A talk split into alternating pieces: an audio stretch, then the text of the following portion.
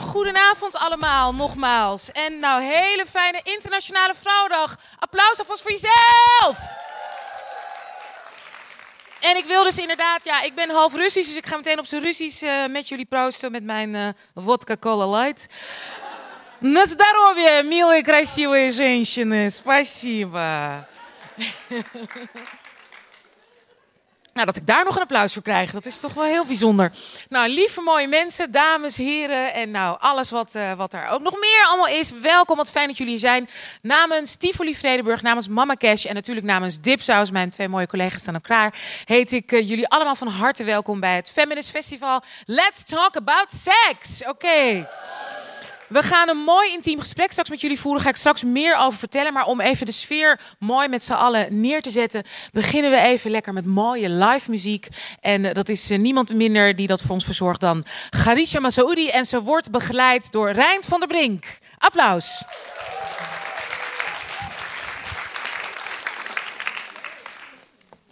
Goedenavond, dames en heren. Mijn naam is eh, inderdaad Khadija Masoudi. Ik ben eh, schrijver, theatermaker en programmamaker. En ik bezing de liefde in verschillende talen. En eh, voor vanavond zijn er twee nummers. Het eerste nummer is in het Engel, Nederlands. Nederlands dus. Ik zing eigenlijk bijna nooit in het Nederlands. Dus, maar voor vanavond dacht ik, ja, het zou wel leuk zijn om ook even Nederlands of Engels te doen. Dus vandaar nee, eh, Nederlands. Jezus. Ik zing beter dan ik praat. Nee hoor. Oké.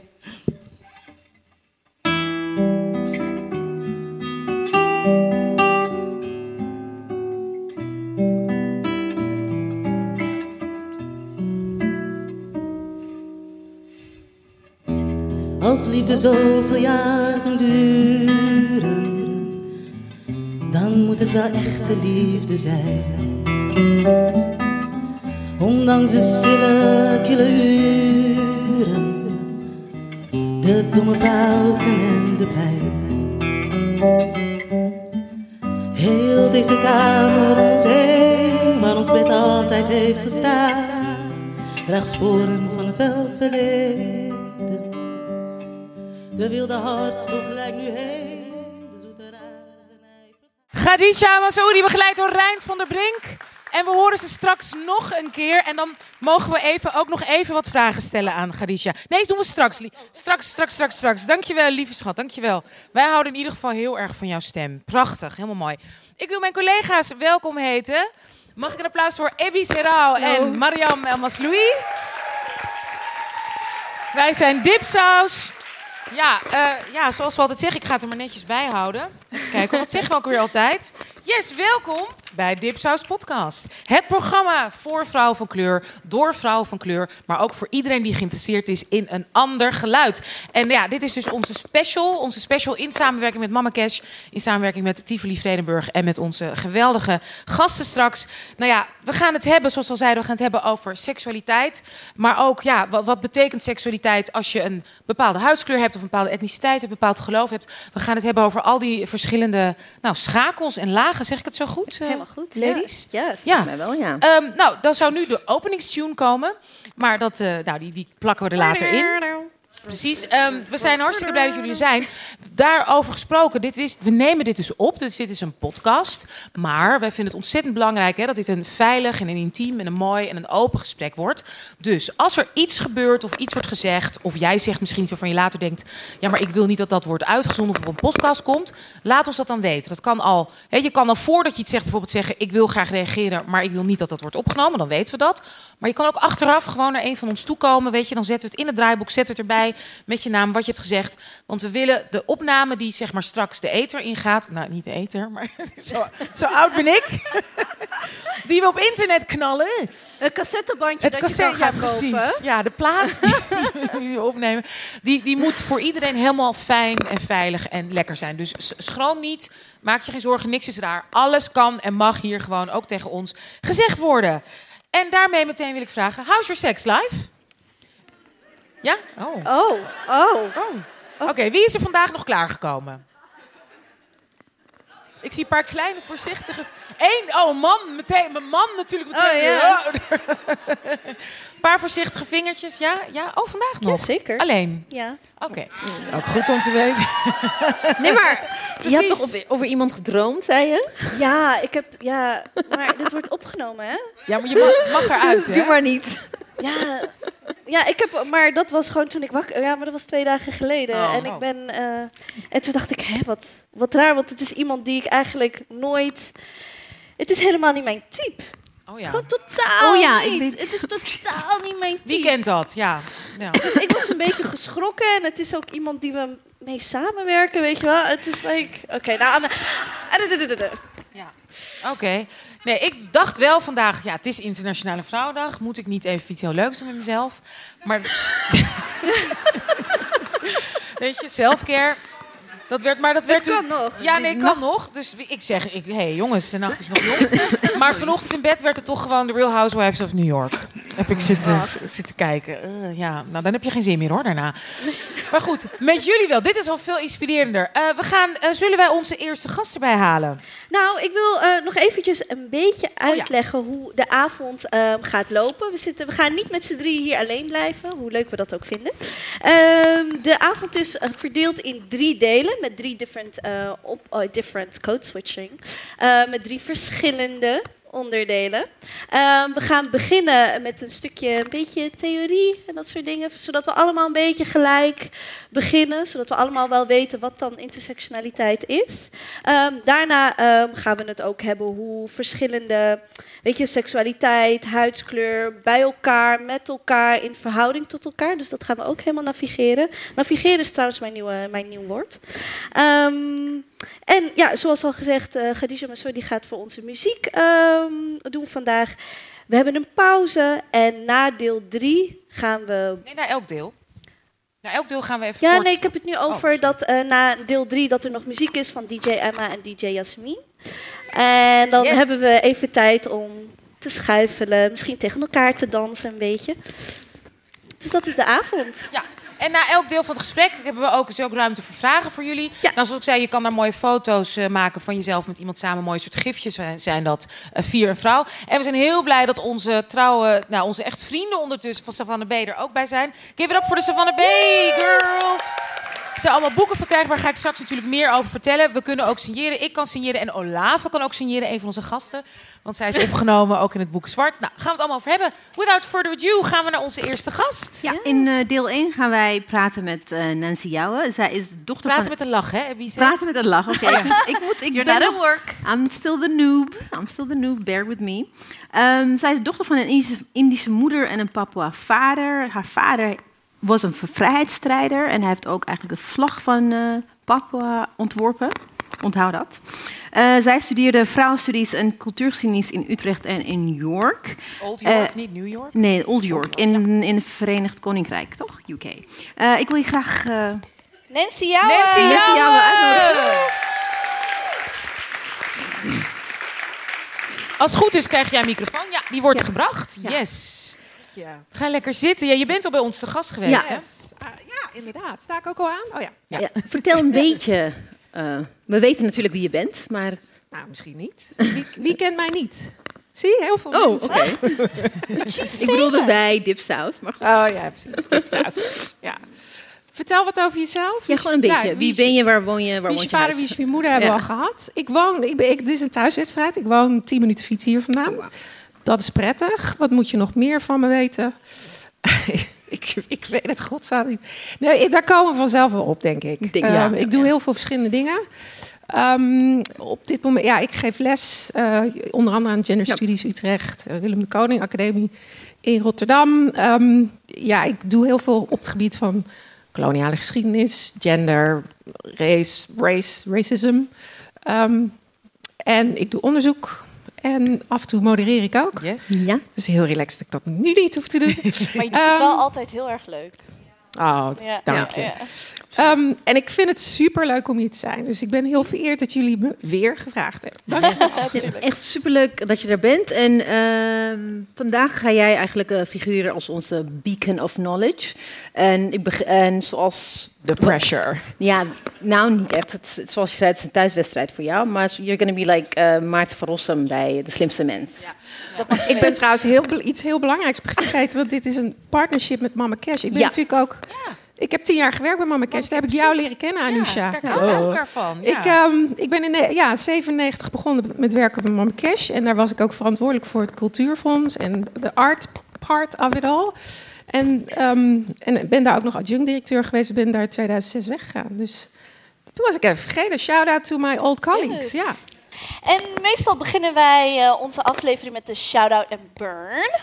Ehm, heb jij er eentje? Als wij het gaan doen, dan zijn we echt morgen... Moeten ja, nog Een beetje uitleggen wat het is? dat ga ik ook doen. Oké. En ehm, de shout-out, de shout-out lekker. en burn, ja, Nancy kent het. De shout-out is wat je in het zonnetje wilt zetten, wat je mooi vindt. En de burn is wat weg mag. Ehm, heb je er een voor ons? Shout-out of een burn? Ja, ja, je vroeg het mij. Hè? Nou, ik had vanochtend toevallig op Instagram een shout-out eh, gepost. Dus ik ga hem ook weer even opzoeken. Want ehm, ja, weet je, dat, dat, dat gaat eigenlijk eh, vanzelf. Maar ik, eh, ik heb een drievoudige shout-out. Mag ik dat dan ook? Ja, ja, graag. Heel ingewikkeld. De eerste shout-out is voor eh, uitgeverij Chaos. Yes. Oh, Wie kent Ja. uitgeverij Ga- Chaos nog niet? Oh. Oké, ze hebben een boek te koop en het is de enige feministische uitgeverij in Nederland. En die zijn eh, maandag begonnen. En het is het idee van eh, uitgeverij Chaos is ontstaan bij Savannah B. Savannah B. Precies een jaar geleden tijdens een programma wat eh, over zwarte vrouwen ging. En toen stond er iemand op in het publiek en die zei: Ja, dit en dat. En, en toen eindigde ze met: Maar moet er niet eigenlijk een feministische uitgeverij komen? En toen zei iemand anders uit het publiek: Dat moet je gewoon zelf doen. En ze zijn er Oh, nu. wow. Dus dat is mijn eerste shout-out. En Yes. dus eigenlijk een mini shout-out naar Mariska Verbeek.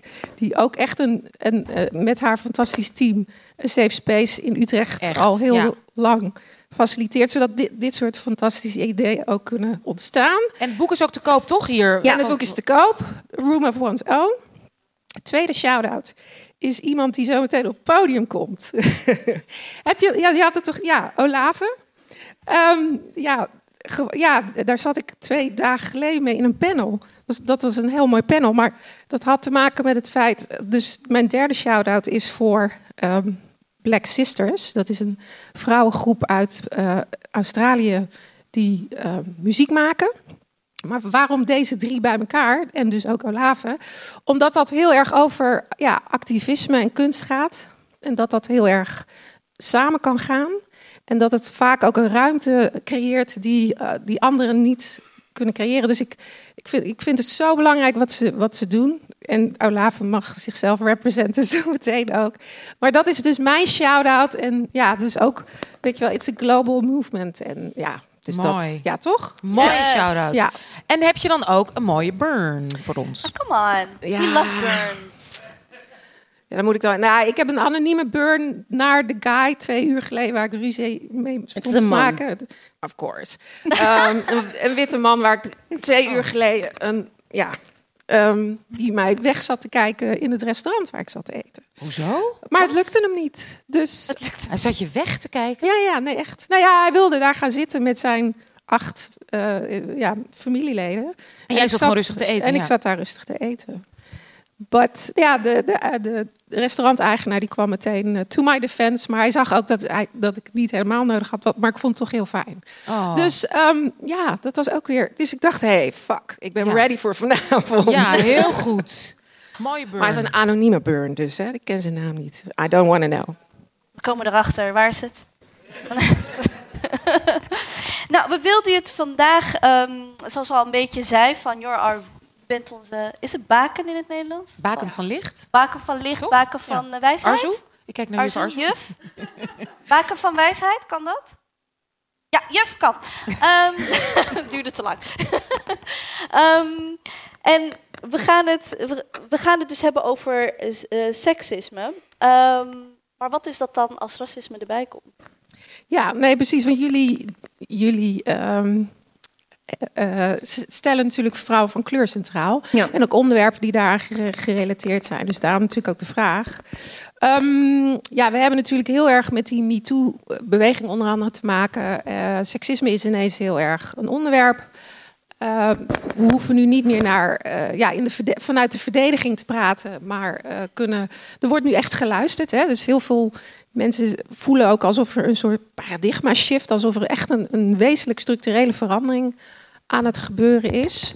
Um, wat daarbij belangrijk is, is dat, dat, ja, dat je ook uh, het verschil tussen vrouwen en uh, kleur is daarbij een hele belangrijke, maar niet de enige uh, categorie van verschil, moet meenemen. Um, ja, want wat kan dat betekenen? Ja, als je. Um, nou ja, eigenlijk laten we gewoon vooral even kijken naar Nederlandse voorbeelden. In 1996 is er een boek uitgekomen dat heet Tapouchen. Uh, van Usha Maré, Surinaamse vrouw, die eigenlijk voor het eerst uh, schreef over um, uh, nou, incest in de Surinaamse gemeenschap. En haar eigen ervaringen ook. Hindoestaans-Surinaamse Hindoestaans-Surinaamse vrouw, journaliste. Um, en dat was enorm taboe doorbrekend moment eigenlijk. Um, dus je hebt, je hebt die, zeg maar, die. Um, um, culturele aspecten die vanuit verschillende etniciteiten kunnen komen, die dus ook zorgen voor ja, dat je er dus ook helemaal geen ruimte voor krijgt, bijvoorbeeld. Dus wat in, in de gemeenschap was het compleet taboe om daarover te praten. Zij ging daar wel over schrijven. Um, en, en ik denk dat dat soort stemmen heel belangrijk zijn om het Hè, om, om bepaalde uh, ideeën en uh, tradities daar ook over uh, door te breken. Ja. Um, en, en, en, hoe kan het dat er zo weinig ruimte eigenlijk voor lijkt te zijn? Toch, als je kijkt naar het maatschappelijk debat, is het heel erg vechten voor. Ja, wij zijn, we hebben hier creëren hier deze ruimte, maar um, dat zie je niet. Zeg maar als je aan zeg maar de Nederlandse MeToo en de gesprekken erover denkt, is daar heel weinig ruimte voor. Bij vrouwen van kleur bedoel je? Of wat? Voor vrouwen van kleur. Voor vrouwen van kleur. Meestal ja. en ook vanuit, vind ik toch, als je kijkt naar um, uh, solidariteit, is, is, wordt het ook niet veel zeg maar, ingebracht, toch? Door witte vrouwen. Ja, dat is, dat is inderdaad heel raar. Um, maar misschien moet ik ook even beginnen bij zwarte vrouwen zelf. Want um, wat belangrijk is ook om te uh, bedenken, is dat het voor uh, ja, dat zwarte vrouwen eigenlijk heel erg op een specifieke manier ook geseksualiseerd worden. Ja. Hè? Dus, um, uh, dus de, de, de blik, de mannelijke blik, in combinatie met een vrouw van kleur, dat, dat geeft een, een, specifieke positie voor, voor een zwarte vrouw. Dus haar, ja, haar um, um, het feit dat zij een zwarte vrouw is, maakt haar eigenlijk al een, seksueel wezen.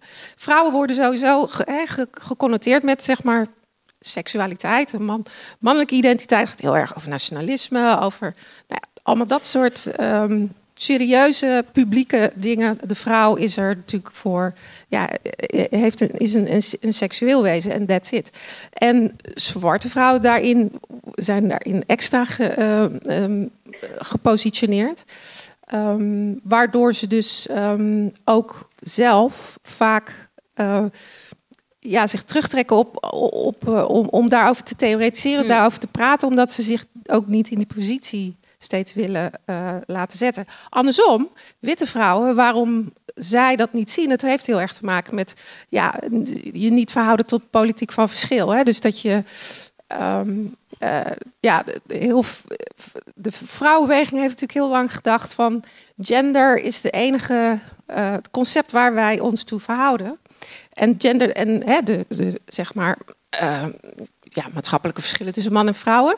Dus als je um, denkt van wij vrouwen moeten allemaal gelijk zijn en wij vrouwen zijn allemaal gelijk, dan kijken we op een hele univers universele manier ook naar vrouwen. Hè. Dus dan zien we ook niet dat soorten vrouwen, en dat kunnen verschillende etniciteiten zijn, uh, verschillende behoeften hebben en verschillende problemen hebben. Het is, je kan het eigenlijk kan je het een beetje vergelijken met, uh, net zoals met het racisme-debat, dat mensen die zeggen dat ik zie geen kleur, dat je ook in within gender en feminism dat kleur niet wordt gezien of niet, niet wordt herkend als een soort apart issue wat, waar je over moet nadenken en op een andere manier Ja, dat, dat, is een on, dat is een agendapunt wat bij anderen Ja. hoort. Wij hebben het hier over. Ja.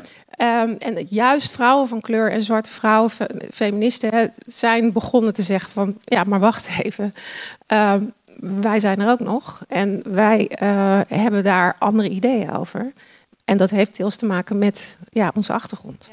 De zwarte vrouwenbeweging is natuurlijk is ontzettend belangrijk geweest ook voor, voor de emancipatie van witte vrouwen in Nederland. Ik was in shock toen wij dus een keer met z'n allen samen ook waren in, het, eh, in Amsterdam. Eh, hoe heet het nou dat? Aletta? Nee, nee, niet Aletta, maar dat uh, gro- Atria? Atria. Atria. Ja, het Dat heeft drie verschillende namen. Ja, en het bleek dus dat beneden ergens in de kelder liggen dus nog allemaal dossiers en documentatie, literatuur, stukken, briefwisselingen van Nederlandse zwarte vrouwen met inderdaad Amerikaanse zwarte vrouwen. Ik veel. Dus hele documentatie waar dus eigenlijk niks mee wordt gaan. Terwijl die geschiedenis zo belangrijk is geweest. Kan, jij jij hè, weet daar meer over.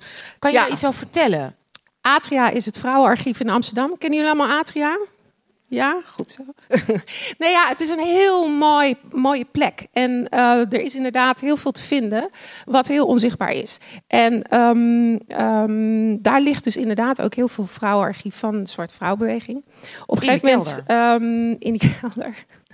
En 21 jaar geleden, ehm, ik mocht een, eh, ja, boekentop 5 schrijven. En na vier boeken wist ik niet meer wat ik wilde schrijven. Of eh, wat, wat ik, welke boeken ik kon, moest ik, eh, uitkiezen. Toen dacht ik een imaginair boek wat nog moet komen. En een beetje hetzelfde als chaos. Maar van, oh, maar waarom schrijven jullie dan niet zelf dat boek? Toen zijn we dus in dat archief ook gedoken. Dus ik heb daar een half jaar in zitten struinen. Ehm, er, er zit heel veel. Maar, het Maar is, waarom het is heel... is dat dus niet zichtbaar? Waarom weten we dat niet? Waarom als je genderstudie Ja, ja. studeert of als je denkt aan oh, feminisme jaren 60, zie ik niet die vrouwen vormen? Omdat, we heel lang, omdat heel lang feminisme ook weer niet in is geweest. Dus wij hebben daar een boek over uitgebracht, 2001. Maar iedereen is dat boek weer vergeten, omdat het op een gegeven moment uit print raakt. Maar ook, eh, ja, we hebben natuurlijk ruim twaalf jaar het niet over feminisme gehad. Feminisme was echt uit, Ja. hè, begin van het nieuwe millennium. Nu is iedereen weer ineens feminist. Eh, en is het tof en is het sexy. En als je, ja, mijn, mijn neefje komt naar me toe, ik ben feminist. En ehm, ja, iedereen, dus het is, ja, daar word je heel blij van. Maar eh, ik, ja, ik, Beetje ik heb die dat- tijd meegemaakt dat, het, dat, het, dat jonge vrouwen, ongeacht kleur, welke kleur, er niet mee geassocieerd wilden worden. Het was compleet uit. En dan vergeet je ook weer collectief dat dat er is geweest. En als er instituties zijn die dat ook niet blijven laten zien, dan verdwijnt het gewoon helemaal weer uit het geheugen. Maar het is nu ook weer herontdekt. Dus ik denk dat dat heel belangrijk is. En er zijn ook manieren, maar we moeten dat ook bestendigen, die, eh, die informatie. Dat is natuurlijk denk je, ik proef iets van ehm, voorzichtigheid in, in hoe je het uitlegt. Denk je dat het dit ook een soort van fase is dat het weer weggeraakt? Of denk je dat het blijft? Nou, ik hoop het niet. Nee, nou, ik denk dat we veel meer nu kunnen steunen op ehm, ehm, een, een langere traditie van kennis die doorontwikkeld is. Hè, mensen nu zijn ook enorm daarop aan het voortbouwen. En ik denk dat dat ook heel belangrijk is. Dat, dat hangt natuurlijk van Hmm. ons samen af, uiteindelijk. Ja. Want Dus samen met, met feminisme heeft ook het term intersectionaliteit heeft weer ook zijn boom gehad. Iedereen zet nu in zijn Twitter bio eh, intersectioneel eh, eh, feminist. Dat is iedereen. Kan iedereen dat zijn? Nou, iedereen is intersectioneel gepositioneerd sowieso om te beginnen. Er zijn heel veel. Wat, wat is intersectionaliteit? Ehm, het gaat er simpelweg over dat je verschillende ehm, ja, categorieën van verschil hebt. Ehm, dus je bent niet alleen vrouw, je bent niet alleen zwart of wit, je bent niet alleen eh, cisgender, transgender, je bent niet alleen eh, rijk of eh, jong of oud. Je hebt verschillende posities tegelijkertijd. En die ehm, werken allemaal op elkaar in. Wat ook maakt dat je ehm, ja, sneller geprivilegeerd wordt, sneller gediscrimineerd wordt. Ehm, en dan moet je die verschillende categorieën ook altijd meenemen. Dus je begint met identiteit, eh, ja, die identiteiten, maar ook hoe ze op elkaar inwerken. Klinkt allemaal heel ingewikkeld, maar het is eigenlijk, de werking is iets wat we dagelijks eigenlijk meemaken. Dus ehm, het automatische aspect dat je Hendrik Jan eh, heet en gaat solliciteren en dan makkelijker uitgenodigd wordt dan dat je Abdullah heet, is, is een intersectioneel aspect. Want ehm, ehm, de, de- er is een connotatie met de naam Abdullah en het zien van een Abdullah. Hmm. Die maakt dat je denkt, hmm, minder interessant om aan te nemen. Misschien die gaan we niet eens uitnodigen. Het werkt op allerlei gebieden. Ehm, het is ook, dus het is eigenlijk begonnen door. ehm, het is een, een term die gemunt is door een, een, een rechtenprofessor. Ehm, dus dat was ook om echt specifieke vormen van eh, discriminatie eh, aan te eh, tonen. Een zwarte vrouw. Ehm, een zwarte vrouw. Maar het was in de zwarte vrouwbeweging al een praktijk die al langer bestond. Maar het is uiteindelijk ook een term van empowerment geworden. Ja. Dus het heeft zich ook verder ontwikkeld. Ehm, en ik merk zelf met mijn studenten dat ze ja, heel vaak blijven hangen in dat identiteiten-ding. En ehm, het, het gaat er juist om dat je, dat je het ook op verschillende manieren wel kan inzetten. Hè. Dus het werkt, het werkt van de arbeidsmarkt tot, tot aan een Hollywoodfilm kan je intersectioneel bekijken. Het is ook een, een soort lens uiteindelijk. Hè. Which, which reminds me, tijdens de Oscar-uitreiking eh, afgelopen zondagavond eh, waren drie dames, ik ben hun namen vergeten, drie witte dames, die het hadden over naar aanleiding van de Me Too eh, en Time is Up-beweging. En ze gingen het ook benoemen, they name-dropped intersectionality. Eh, dat gebeurt ook door een aantal activistische mannen online. Maar in hoeverre is dat ook deels een soort van fashion iets geworden? Dat ze weten. Tuurlijk. Ja, dus ik, ik ik ben me- helemaal mee eens. ja, dus ik heb het idee dat het ook gewoon genamedropt wordt zonder echt te weten wat het is. En wat de geschiedenis is en wie erachter staat. En dat het ook echt ge, gestoeld is in een soort Ja. vrouwenbeweging. En dat, dat het, het, it's been losgekoppeld van, Ja. van waar het vandaan komt. Het is heel erg gekoppeld aan ehm, politiek van verschil. Mm. Dus het feit dat we verschillend zijn met elkaar. De vrouwenbeweging is natuurlijk ook heel erg begonnen van... nee, maar we zijn allemaal gelijk. We willen gelijke rechten. eh, de universele rechten van de mens. Dus, en ehm, die retoriek is natuurlijk heel sterk ontwikkeld. En zwarte, vooral zwarte vrouwen zijn natuurlijk gaan vertellen... en, vrouw, en queer vrouwen, queer zwarte vrouwen, et cetera... die zijn gaan ook gaan zeggen van... nee, we moeten onze verschillen ook benoemen.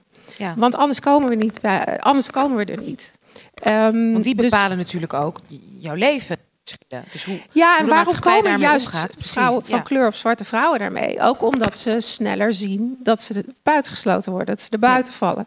Ehm, dus je, je merkt ook eerder op dat eh, jouw positie in meer, meervoudige zin ehm, dus problemen oplevert voor jou. En daarom kun je dat ook beter zien. Ja. Als je dat nooit meemaakt, dan hoef je het niet te zien, dan hoef je het niet beter te maken. Dus die politiek van verschil ehm, is denk ik heel wezenlijk eerste stap geweest om ook te denken van intersectioneel eh, eh, denken is dan dus ook iets wat we echt moeten doen. Willen we echt vrijheid voor alle vrouwen bevechten? Want als, ehm, als je het over ja, stemrechten hebt. ehm, over wie hebben we het dan precies? Weet je wel, dan, ja, hadden ze het dus niet over zwarte vrouwen. eh hè, bedoel, et cetera, et cetera. Dus over wie hebben we het nou precies? Dat daar, dus wees eens wat preciezer. Dat, dat is eigenlijk ook ja, waar, wat heel belangrijk is. Er is natuurlijk in de fase van een beweging en voor het vechten van, van dingen is er, zijn er natuurlijk eh, eh, gelijke rechten ten opzichte van de man is dan een heel belangrijke stap. Maar op een gegeven moment moet je verder. Ja. Eh, anders blijf je stilstaan en groei je ook niet als beweging. Daarom is die, dat, dat verschil ook heel belangrijk. En op een gegeven moment worden dingen heel sexy en buzzword. En dan gaan mensen dat zich toe-eigenen. En allemaal oké. Ik vind het eigenlijk wel heel fijn dat het woord intersectionaliteit nu zo overbekend is. Want mensen zoals Gloria Wekker en ik hebben enorm zitten knokken om Mm. Ja. intersectioneel denken geagendeerd te krijgen. En daar- zijn we toen niet heel nou, niet in geslaagd. Dus ehm, Zij is een van die vrouwen die ook in het archief al vanaf die tijd al haar werk ook te vinden is. Precies, en van heel veel vrouwen meer. Ja, en als onderzoeker is dat, is dat een heerlijke plek. Maar ja, we zijn natuurlijk niet allemaal onderzoeker en het Nee. zit diep, diep begraven. En we zijn allemaal heel erg digitaal eh, tegenwoordig. Eh, we denken dat Google eh, alles vertelt. Ehm, als je kijkt niet, naar nee. Wikipedia, is dat een heel mannelijk. Ja, is een plek Ja, die door absoluut. witte mannen heel erg wordt beheerst. Daarom nu ook heel veel vrouwelijke interventies van hey, kennis. Maar heel veel, je merkt dan heel veel, zeker aan jongeren, dat ze ja. Ik kijk het even op internet na en als ik het daar niet kan vinden, dan is het er dus niet. Ja. Of op Twitter. In mijn Dus analoge Ja. kennis is, ja, exactly. Nee, maar analoge kennis is dus heel belangrijk. Ja, heel goed. Ehm, we hebben nog één vraag, Jan. Dan gaan we naar de zaal. Ja. Yes. Ehm, zal ik hem even... Ja? Nee, want kijk, als we het hebben... We hadden het net ook al een beetje hè, over, over MeToo. Ehm, als je kijkt naar Nederland... dan zijn er weinig, zeg maar, grote mannen tot nu toe... kunnen we wel zeggen, gevallen... Ja. Hè, hun positie verloren door een MeToo-schandaal. Het valt eigenlijk heel erg mee in Nederland als je kijkt naar Revelations. Betekent dat nou dat het goed gaat in Nederland? Dat het hier allemaal wel meevalt met seksisme? Nou, dat, dat denk ik niet. De cijfers zijn, zijn niet heel gunstig. Maar, eh, en ik ben geen cijferfetischist, dus ik ga ook niet nu cijfers noemen. Maar eh, Movisie is een, is een organisatie die prachtige cijfers en overzichten altijd maakt. Bijvoorbeeld over dit soort onderwerpen. Maar waar het om gaat, ehm, is dat op het moment dat... eh, ik bedoel, ja, het, het is ook hoe de media werkt. Hè? Ik bedoel, op het moment dat er zo'n grote jongen dan valt... is het ineens van, oh ja, now we get it. Maar... Ehm, vrouwen zelf roepen natuurlijk al heel lang om, Ja. om, om, om die aandacht. Waarom het hier. Ik, ik, denk, ik, ik denk dat er heel veel kleine zaken zijn eh, te zien geweest. Eh, maar we hebben natuurlijk de katholieke kerk eh, als een hele. Nou ja, als een, als een bastion, een instituut waar, waar dit natuurlijk een heel groot probleem is geweest. Maar ja. Kijk, ook het boek van Usha laat zien. Kijk, ja, ehm, incest als probleem is ook iets wat compleet verborgen is. En Ehm, we horen straks natuurlijk ook nog meer van dat soort verhalen waar, waar, waar, waar je ziet, eh, dat kennen we nog niet. Dat moeten we echt naar boven halen. Ja, dus meer gesprekken ook met elkaar. Ja, Nou, dat is een mooi. Oh, je wil nog wat zeggen? Want dat is een mooi nou, ja, we hebben ja? het over sexual rights, hè, heel belangrijk. En dat, dat, we hebben het de hele tijd over problemen. Maar ik vond het heel mooi dat jullie eh, ook begonnen over seksueel plezier. Ehm, en dat, ik denk dat plezier en de politics of pleasure ehm, ook heel belangrijk is. Wat is politics of hoe? Nou ja, dat we inderdaad ehm, ook plezier heel erg moeten toe-eigenen. Dat het ook niet het bastion van mannen blijft. Hè. Nee. Eh, vrouwen zijn natuurlijk van, ja, traditioneel gesproken ook opgevoed om eh, dat seksueel plezier bij de man hoort. Ja, dat het niet En mag. niet bij de, dat, ja. Ja, mijn En moeder, dat jij- vertel- mijn moeder vertelde mij letterlijk dat de eerste Toch? keer dat zij zeg maar durfde klaar te komen. Ja, dat gesprek met mijn moeder. Was eh, met een man waar ze niet van hield. Want ze durfde het al helemaal niet bij een man waar ze echt van hield. Want dan zou ze natuurlijk echt heel, zeg maar, hè, vond zij zelf sletterig, dus wel niet overkomen. Wat zal hij wel niet denken? Dus ze durfde het pas toen ze in de 40 was. En gewoon, nou ja, weet je, iemand die ze toch niet leuk vond. Nou ja, die, die maar dat, twee, dat zegt toch wat, hè? Die Ja. tweede golf in de jaren zestig ging daar heel erg over. Hè. Vrouwen gingen echt met spiegeltjes, eh, ja, gingen ze dat allemaal eens heel goed bekijken. Eh, en heel veel vrouwen zagen dat voor het eerst. Van, oh, ziet dat er zo uit? En et cetera, et cetera. Dus het, het ging over zelfbeschikking. eh, En heel erg, dat begon heel erg met het nog lijf. steeds die, dus die connectie. Want ik weet het ook, mijn schoonmoeder is heel erg zo'n jaren 60 vrouw ook. Hè, in Nederland, uit Utrecht ook. Maar dat, was, dat ging nog steeds, inderdaad, ging het vanuit mannen. Dus de man wilde heel veel seks. En als vrouwen moest je dus daar ook aan meedoen en promiscu zijn. En inderdaad, zeg maar, sleutelfeestjes, weet ik veel. Maar dan ging het inderdaad vooral mannelijk plezier. En veel minder was dus die connectie die mijn moeder ook heel moeilijk vond te maken tussen dit is mijn lichaam, dit vind ik lekker en dat wil ik met die of die. Dat was een lastige. Dat, dat, dat, dat is nog. En volgens mij is dat nog steeds zo, of, of niet? Ja hoor.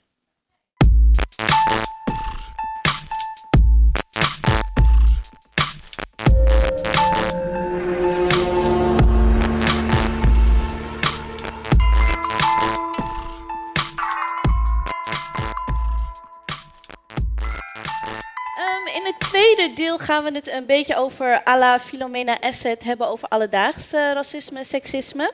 Eh, van de werkvloer tot onze liefdesrelaties en ja, simpelweg ook hoe we over straat lopen. Ehm, en we doen dat met twee geweldige vrouwen. We doen dat samen met eh Rowan Blijt. is ook een eh, gast geweest op onze ehm, podcast. En met haar hebben we het heerlijk gehad over haar.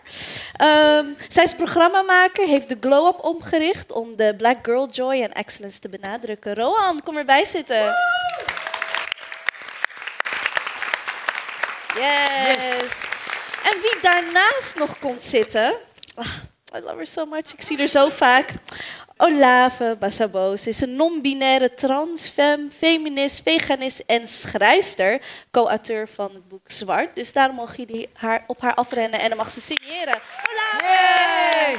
Welcome! En ook eh, politica, hè? Je doet Ja. nu mee in 2018 voor de, eh, voor de Haagse Stadspartij. Doe je mee aan de gemeenteraadsverkiezingen. Klopt, klopt. Yes, Maar we zijn welkom. in Utrecht, dus Hoe gaat dat? Hoe gaat het? Ja. Ja, hoe gaat het met je? zwaar. Het is echt, ik denk, dit is de tweede verkiezingen in twee jaar waar ik aan meedoe. En ik, heb, ik, ik weet echt niet hoe ik ja heb gezegd. Ik bedoel, why am I doing this? Like, ik heb ook tegen Fatima Faillit gezegd, dat is nummer twee van de Haag Stadspartij, dat als ze mij voor, over vier jaar vraagt van wil je meedoen, ga ik gewoon verhuizen. Oké. Gewoon politiek analyseren. Kom naar Utrecht. We hadden net een eh, heel interessant gesprek hè, in het publiek. Dus je was helemaal niet gemeen hoor. Het was natuurlijk een beetje een grapje. Helemaal, hartstikke goed. Maar waarom misschien ik toch ook zo reageerde van ja... Hoe is het nu voor ons, want daar gaan we het ook in dit deel over hebben, als vrouw van kleur? Hebben wij diezelfde vrijheid van dat ik eigen me gewoon die sek- dat seksuele plezier toe? Nancy zei al inderdaad in deel 1, dat met name als we het hebben over zwarte vrouwen, dat er een, een, een ja, dat wij hè, maatschappelijk gezien vanuit de geschiedenis al in een bepaalde positie worden geplaatst door de buitenwereld. Ehm, hoe vrij, als ik zo vrij mag zijn, voelen jullie je dus inderdaad in het claimen van je seksualiteit en van je seksuele plezier? Dat zijn jullie allebei de vraag. Ja, sta ik hier Goeie vragen. ja, ik vind echt een, een, een... Oh, ik sta aan. Ja, ik vind het een hele, hele goede vraag. Als ik het... ehm, ik ga het gewoon op mezelf betrekken. Ehm, eh, als ik nadenk over mezelf toen ik voor het eerst uitging, bijvoorbeeld... vond ik het heel erg belangrijk dat ik niet ehm, mezelf op een bepaalde manier presenteerde... waardoor jongens dachten van... ehm, die is makkelijk of die is maar voor één ding. Dat was toen mijn manier van denken. Dat ik dacht dat ik dat zou kunnen uitlokken. Met en de had dat iets te maken met je etniciteit ook? Met, met Zeker je kleur? weten. Ehm, omdat je toch wel ziet dat zwarte vrouwen, zeker toen in die tijd, ik ben niet zo oud, maar ik bedoel, toen in die tijd. Hoe oud ben jij nu? Ik ben nu 27. Ja, dus nog hartstikke jong. ja. Maar dus heb je het over 16, vijf- hoe oud toen je voor het eerst Nou, ik uitging? mocht 17? voor het eerst pas uit, zeg maar, rond mijn negentiende. Maar dat was al de tijd van de videofixens, de Hmm. R&B-videoclips, de hip-hop videoclips. En dat waren dan toch wel zwarte vrouwen die op een bepaalde manier zich presenteerden of op een bepaalde manier werden gezien, werden neergezet. En al vaak kreeg ik dan, ehm, of merkte ik dat ik daarmee ook geassocieerd werd. Maakte eigenlijk, eigenlijk maakt het niet eens uit hoe ik me kleedde, maar het feit alleen al dat ik uit was in een tent waar veel hip-hop of R&B werd gedraaid of veel dancehall werd gedraaid. Eh, merk je toch al dat je opmerkingen krijgt. Ik kan me nog heel goed herinneren dat iemand tegen mij zei, een witte jongen, van eh, jij kan zeker heel erg goed ghetto doen. Heel erg raar was dat. Ehm, maar dat soort opmerkingen krijg je dan of dat ehm, mensen zich zo vrij voelen dat ze automatisch achter je komen dansen. Puur en alleen omdat ik aan het genieten ben van mezelf of met mijn vriendinnen aan het genieten ben. Omdat ik toevallig veel met mijn beeld dans. Dat mensen denken dat dat een soort van invite is om in mijn space te komen. En dat heeft zeker te maken met Ja. hoe ik eruit zie. Ja, maar volgens waar mij ik heeft vandaan dat, kom. ik denk ik, in mijn tijd toen ik tiener was, het precies, precies zelf- hetzelfde. Ja. En, en ik denk, ik durf te zeggen dat er ook nog steeds niks is veranderd. Ja, Wie is steeds ouder dan ze? ik, ben, ik ben veel ouder. Ik, ik heb het dan over 20, 22 jaar geleden. Nothing has changed. Dus ik was ook heel erg hoe ik me toen kleedde en hoe ik nu ben. Ik ben nu veel losser in hoe ik me kleed. Ik was heel erg prim en proper. Want ik wilde niet uitstralen dat ik makkelijk was. Jij Zo- maakt zo je eigenlijk jezelf aseksueel bijna. ja, nou, ik, ik, ik was netjes. Ik vond dat ik netjes moet zijn en niet inderdaad te sexy, want dan denken ze dat ik makkelijk ben. Zo, zo was ik opgevoed. Same. Ja, Ja. ik Ja, ook. ik ook. En Olave, jij? Ja, dat is echt een hele, hele moeilijke vraag. Had je niet een makkelijke inkomertje kunnen doen? ja, want ik heb natuurlijk wel een hele eh, eh, bijzondere positionering. Ik ben, ik ben af, ook toen ik opgroeide, afhangend van de behoeften van een ander, werd ik of gezien als man, jongen, of als vrouwelijk, of als vrouw. En dat loopt nog steeds door. Dus ik heb een soort van hele rare, ehm, een hele verschillende soorten dynamieken wat betreft wanneer ik dan bijvoorbeeld eh, begeerte mag voelen of wanneer ik mijn plezier kan najagen, wanneer niet. Ehm, en het verschilt elke keer weer. En het heeft voor mij daardoor ook vanuit de hele religieuze eh, op, op, eh, op, eh, ehm, upbringing, hoe zeg je het in het Nederlands opvoeding. hele katholieke eh, eh, opvoeding. Waarin ook wel echt dat idee van. Mijn vader bijvoorbeeld was geobsedeerd met het idee dat ik echt een jongetje moest worden. Dus ook gewoon helemaal moest schijlen en gewoon heel erg agressief seksueel moest ontwikkelen. Mijn moeder was geobsedeerd met dat ik net zo puur als de maagd Maria moest gaan worden. Ja. Ja, mijn moeder die vond dat echt ja, heel belangrijk. En dat is dus, ja, het heeft dus daardoor heel lang geduurd voor mezelf om, weet je, dan ga je naar de gay bars bijvoorbeeld in het begin en dan ging ik uit in de gay bars en dan word je gezien als een grote zwarte man. En dan wordt er naar je gegrepen en dan wordt er uh, gevoeld, hè, naar, oh, ben je groot genoeg voor hun of ben je, weet je, en dat soort dingen. Um, en dan komt de dating age en dan zien mensen foto's van mij en dan gaan ze ervan uit dat ik vrouwelijk ben. En dan hebben ze hele andere eisen. Of sommige mensen denken dat ik vrouw ben en dan hebben ze hele andere verwachtingen. En ja, so it has taken me a while to get to figure out wat ik dan wil eigenlijk. Want het is taken me a while. Want het is natuurlijk een luxe positie om te zeggen van uh, nee, ik ga gewoon doen wat ik wil en, um, en, en ik, ik beslis het. Maar dat is enorm lastig als je binnen machtsstructuren moet bewegen of navigeren. Um, waarin je zeg maar toch, bijvoorbeeld, ik, ik, je bent toch afhankelijk en je kan dat niet um, helemaal wegzetten. Wat er op je wordt geprojecteerd of hoe je je positioneert. Uh, Want hoe is dat voor jou, Marjam, als, als, als islamitische vrouw van kleur? Ja, het is dan, en, en dat heb ik vandaag is echt heel, uh, best wel ja, er is een, uh, ik ben sexpert of zo, op, in een Vice-interview uh, of zo. En daar heb ik het er ook over. Waarin je, er zijn een paar voorwaarden hè, in de wit suprematie-landschap... waar je als moslimvrouw over seksualiteit mag praten. En dat is of het gaat over uh, maagdelijkheid of vrouwenbesnijdenis. En um, je moet erover praten als moslimvrouw, want anders um, um, ben je niet seksueel vrij.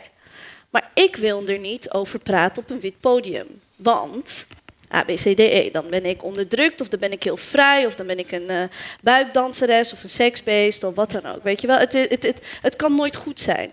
Dus um, hoe ik, ja, met het uitgaan, en ik ging echt heel laat uit, echt misschien ergens in.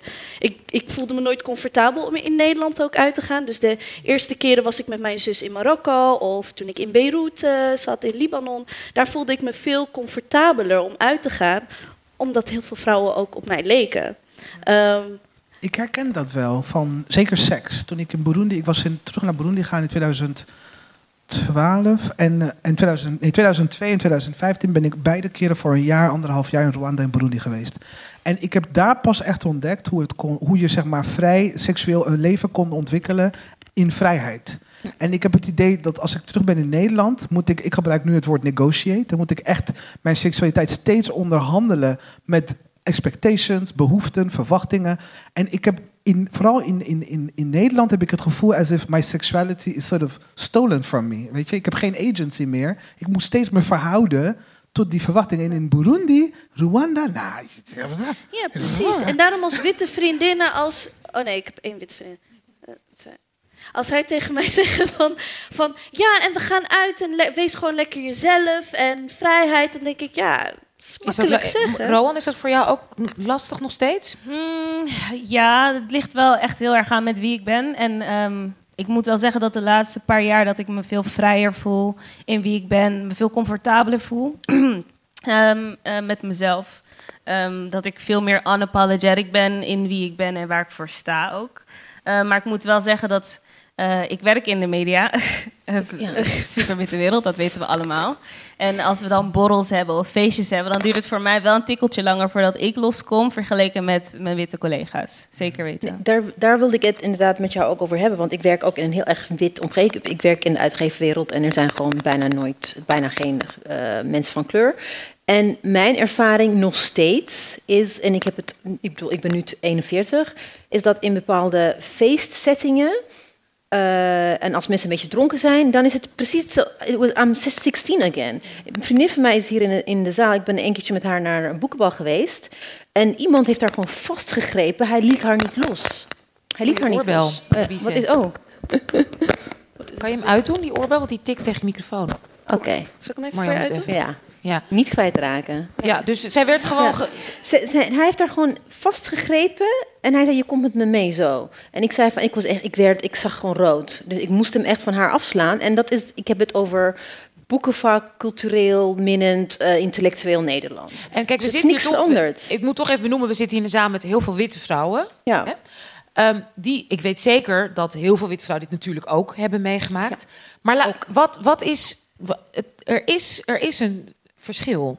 Ja, ik denk dat we. Ik, ik heb het idee dat wij een soort eh, gezien worden alsof wij dat altijd willen. En dat, dat we altijd zin hebben. En zeker met een of andere wilde, vreemde, dronken man. Ik snap, ik snap dat. Er is een soort entitlement to, to our bodies. Gewoon fysiek Maar die gaat ook terug, toch Nancy? Die gaat ook gewoon terug naar de geschiedenis. Tot, tot Ja, slaaf nee, gemaakt de- worden en ni- gewoon niet eens eigendom hebben over je lichaam. Je ziet hetzelfde gebeuren in veel extremere mate in de koloniale geschiedenis eigenlijk. Waar ehm, ja, vrouwen eigenlijk eh, een paar rollen hadden. Ehm, ehm, ja, bijvoorbeeld eh, in, op, inderdaad op een plantage werken of gewoon eh, ehm, ja, een seksueel gewillig eh, persoon moeten zijn. Ehm, en dat was het. Dus er was inderdaad geen eigen agency, geen, ja, je, was je niet, niet je was gewoon iemands eigendom. Ehm, en het heeft ook heel erg te maken met, ja, het, ehm, eh, en dat is meer een psychologisch eh, aspect. Ehm, dat, je, dat je angst hebt voor de ander.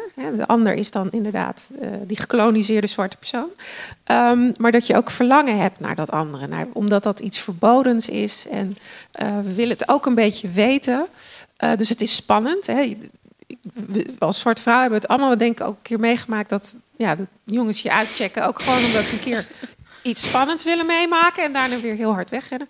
Ehm, dus daar, dat, dat zijn beelden die, die hè, wat Gloria Wekker dan het cultureel archief ook noemt. We, dat slaan we op, dat, dat, dat wordt een, een collectief ding... waar we ons eigenlijk helemaal niet van bewust ook zijn... Uh, maar die wel een doorwerking heeft in hoe ja, mensen dan met ons omgaan. En je ziet dat ook terug, uh, nou ja, een chocolareclame. Hoe, hoe, Ja. een, een chocolareclame. Ja. Hoe chocola met zwarte vrouwen wordt geassocieerd ook. En dat, dat, dat heeft daar heel erg mee te maken. Er zit een soort erotiek aan vast, een soort mm, een lekker warm gevoel. Um, nou ja, er zijn een aantal dingen die, die hè, ik bedoel, ja, ja, van die die daar heel, heel erg duidelijk mee te maken hebben. Olaf, je wil iets zeggen? Ja, ik moest, toen je dat, zei, ik moest heel erg denken aan een soort van. Want je vroeg de vraag van wat maakt het nou zo. Want ik, ik, in de gay-wereld, in de queer-wereld, tenminste vooral in de gay-wereld, zijn grensoverschrijdend gedrag en typering en seksualisering van elkaar heel gewoon. En moest ik denken van, maar wat maakt het nou zo anders voor mij dan in mijn ervaring? En ik denk, het is tweeledig. Inderdaad, dat. Um, dat je bijna ook dankbaar voor moet zijn, soort van. Want je bent Ja, soort van, ook, ja. uh, Ja. you know, like, you should be grateful I'm interested in you in the first place.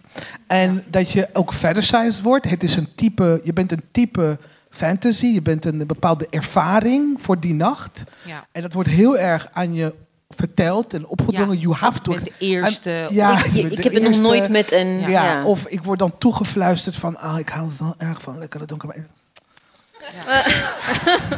Killjoy. There are ten there. Go. Just try your luck there. Of soms zeg ik ook, ik ook. so what? Why are you talking to me? En, en, en, en, en dat, dat, dat, maar ik denk ook wat ook nog meer, nog pijnlijker is ook die wegwerpbaarheid. Het idee dat je soort van, en ik weet, ik denk niet dat witte mannen vooral ook doorhebben hoe, uh, en ik heb ook dus ook gehoord van vrienden, dat witte vrouwen ook met, eh, met queer vriendinnen van mij, die ook aangeven dat er toch een bepaalde mate is van, we kunnen je ook gewoon afstaan en afdoen als we klaar zijn. En doorgaan naar, het echte, naar de echte relaties, naar de echte uh, con connecties met echte mensen. En dat, dat, dat denk ik dat ook wel echt uniek aan de zwarte ervaring in dat opzicht. Ik heb echt meegemaakt dat een, dat, een, dat een man echt letterlijk tegen mij zei... nee, maar ik zie mij niet natuurlijk echt verder gaan met een zwarte vrouw. Dus weet je, leuke affaire, een paar maanden, misschien zelfs een klein jaar... maar niet, zeg maar, niet meenemen naar mijn familie of daar een gezin mee stichten. Ja, je bent fuckable, maar niet marriage. Ja. material. Dat is Ja. het eigenlijk. Dus ook, ik merk ook bijvoorbeeld als ik, zie, als ik uitga met andere queer vrienden, de soorten connecties die ze hebben, seksueel of otherwise, aan, bij het uitgaan, ook in de dating. Ik verbaas me de teksten die ze sturen naar anderen, de kind of conversations dat ze hebben, die krijg ik niet. Not at all. Het is echt, het is zo uh, uh, beperkt. Het is alsof ik mijn, mijn de geheel van wie ik ben, dat, dat wordt ook niet verondersteld dat het er is. Het is, gewoon echt heel erg uh, ja, vlak. Ik, ik, het doet me nu, zeg maar, dit hele gesprek doet me ook heel erg denken aan een soort van seksuele vrijheid die je dan in de bedroom hebt als eh, zwarte vrouw. dat je, ik, en ik, eh, correct me if I'm wrong, want we zitten hier met allemaal eh, zwarte vrouwen. Ehm, ehm, hoe was jullie, ehm, zeg maar, hoe voelden jullie de, de eerste paar keer dat je seks had? Had je het gevoel dat je, dat je een soort van let loose moment kon hebben? Of had je zoiets van, I have to wait, eerst nog eventjes checken voordat ik me los kan gaan? Ik, heb, ik kan me herinneren dat we een gesprek hebben gehad, volgens mij was jij ook onderdeel van dat gesprek. eh, back in the day. ja. Eh, we hadden, Talk about about sex, we hadden een actually. gesprek eigenlijk over dat het. ehm, ehm, en ik ben ook heel benieuwd naar de witte vrouwen in de zaal. Dat het voor witte vrouwen makkelijker is om losser te zijn of om sneller eh, alles ehm, eh, zeg maar te doen in de slaapkamer, omdat ze vervolgens door kunnen gaan en dat ze niet als het ware besmet zijn met een soort van eh, eh, Jawel. ja, zo zie inderdaad een soort van bevestiging. Ja. Of een soort van, zeg maar, wij hebben, al, wij hebben al die hele hyperseksualiteit over ons lingeren, altijd. En daardoor heb je zoiets van, oké, ik wil daar ver weg van blijven, dus ik ga niet, I'm not gonna live up to that image. Dus ik ga het rustiger aandoen, ik ga een beetje mijn tijd nemen, ik ga niet meteen all in. Ehm, en ik vind dat wel heel erg interessant. Dat gesprek hebben we toen gehad. En ik vraag me heel erg af wat ervaringen zijn van witte vrouwen. Of zij daar ook over nadenken. Zonder zeg maar het hele idee van... oké, niet op de eerste date zoenen of niet op de eerste date seks. Nee. Ja. Maar gewoon wanneer Maar dat je je- dan seks hebt... En dan, dan is het oké, dat kleeft dan niet aan Ja. je. Dat kleeft, ik moet eerlijk zeggen, want je vroeg hè, de eerste keer... Nou, ik, was, ik ben heel pragmatisch van aard. En ik weet nog, dat ik heb een eerste keer heel goed gepland. Vond ik heel belangrijk. en ehm, ik wilde ook absoluut niet met een witte jongen. Maar er waren heel, heel weinig jongens van kleur in mijn omgeving. Opgegroeid in Amstelveen. Dus nou, weet je, buitenveld. Het was echt heel lastig. Maar gelukkig had ik een Indo. Ah, En ik kan echt zeggen dat ik daar heel blij mee Betsy is was. blij. Dus nee, dat was echt. Daar ben ik ook wel drie jaar mee gegaan. Ze was allemaal heel braaf, heel truttig. Maar dat was wel heel tof. Ik weet echt nog, ik kan me echt herinneren dat ik echt dacht: Godzijdank. Dus, nee, erg, ik ben half wit, maar dat ik dat echt dus dacht. Omdat ik, zeker in de witte omgeving waarin ik opgroeide, hockey en weet ik veel. Ja, nou, je kan je voorstellen hoe ik daar ben behandeld. En ik, dat ik zelfs ook nog dacht: Nou ja, is in ieder geval iets. Weet je, als je dan kijkt naar gradatie van seksisme. Nou ja, dan ben ik in ieder geval nog een fetish. Dat maakt me dan in ieder geval nog soort van interessant. Dus dat was bij mij heel erg geïnternaliseerd. Maar daarin was ik gelukkig onbewust wel. eh, Ja, ik kreeg daar helemaal niks van mee. Het was gewoon niet. Gewoon seks bestaat niet. Nee, ik, ik ben ook zo opgegroeid. Ik ben hartstikke Totdat je gaat trouwen. ja. Dus er waren ook geen, er waren geen vragen. Dus het was, het was niet zo van dat er expliciet tegen mij werd gezegd: benen bij elkaar houden. Maar dat was gewoon zo van: ja, je doet het gewoon niet. Dus het bestaat niet. Dus, en ook in de, en het, mijn hele proces als identificeren als, als zwarte vrouw. Dus hoe ik dan werd, ik, ik snapte het ook niet echt. Zeg maar, als, als ik pittig werd genoemd toen ik 18 was, of een, eh, of een chocolaatje. Ik dacht, hè, hoe dan? Eh, en dat kwam pas later. En dat heb ik eigenlijk zelf en samen met ehm, hele lieve, fijne zwarte vrouwen moeten, moeten ontdekken. I want to burst all you people's bubbles. burst the bubble. ja, ja, fijn, fijn. Ja, ik, mijn erva- ja, ik, nogmaals, het is positionering die het altijd wel een beetje Ja. inkleurt. Maar mijn ervaring, ik heb dus, doordat er dus heel weinig eh, voorlichting was over, over you know, gay sex, queer sex en al dat, ben ik me echt overgele- overgeleverd geweest aan, aan, aan de behoeftes van oudere witte mannen, gay mannen. En vanaf het begin al, en had ik dus de vocabulaire niet voor, had ik het gewoon geen context ervoor. Want wat doe je als je dus niet de standaard soort van eh, model dat je elke keer in alle films en boeken en media van een jongen eh, wil een meisje, een meisje doet hem het werken ervoor enzovoort. Als dat allemaal niet geldt, wat gebeurt er in non-sort of normative, heteronormative relaties? En je blijft overgeleverd aan basically de behoefte. En ik heb dus geleerd dat dat dus voorop stond. Dus toen mijn eerste seksuele, consensuele seksuele ervaringen. Um, had het te maken met het feit dat mannen meteen zeiden van nee, maar je bent hier, dus je wilt dit en dit en dat doen. En dan dacht je ook, ja, oké. ja, dus- het zou wel moeten, dat is hoe je seks maar hebt. je zegt je eerste consensu- consensuele ervaring. Pardon?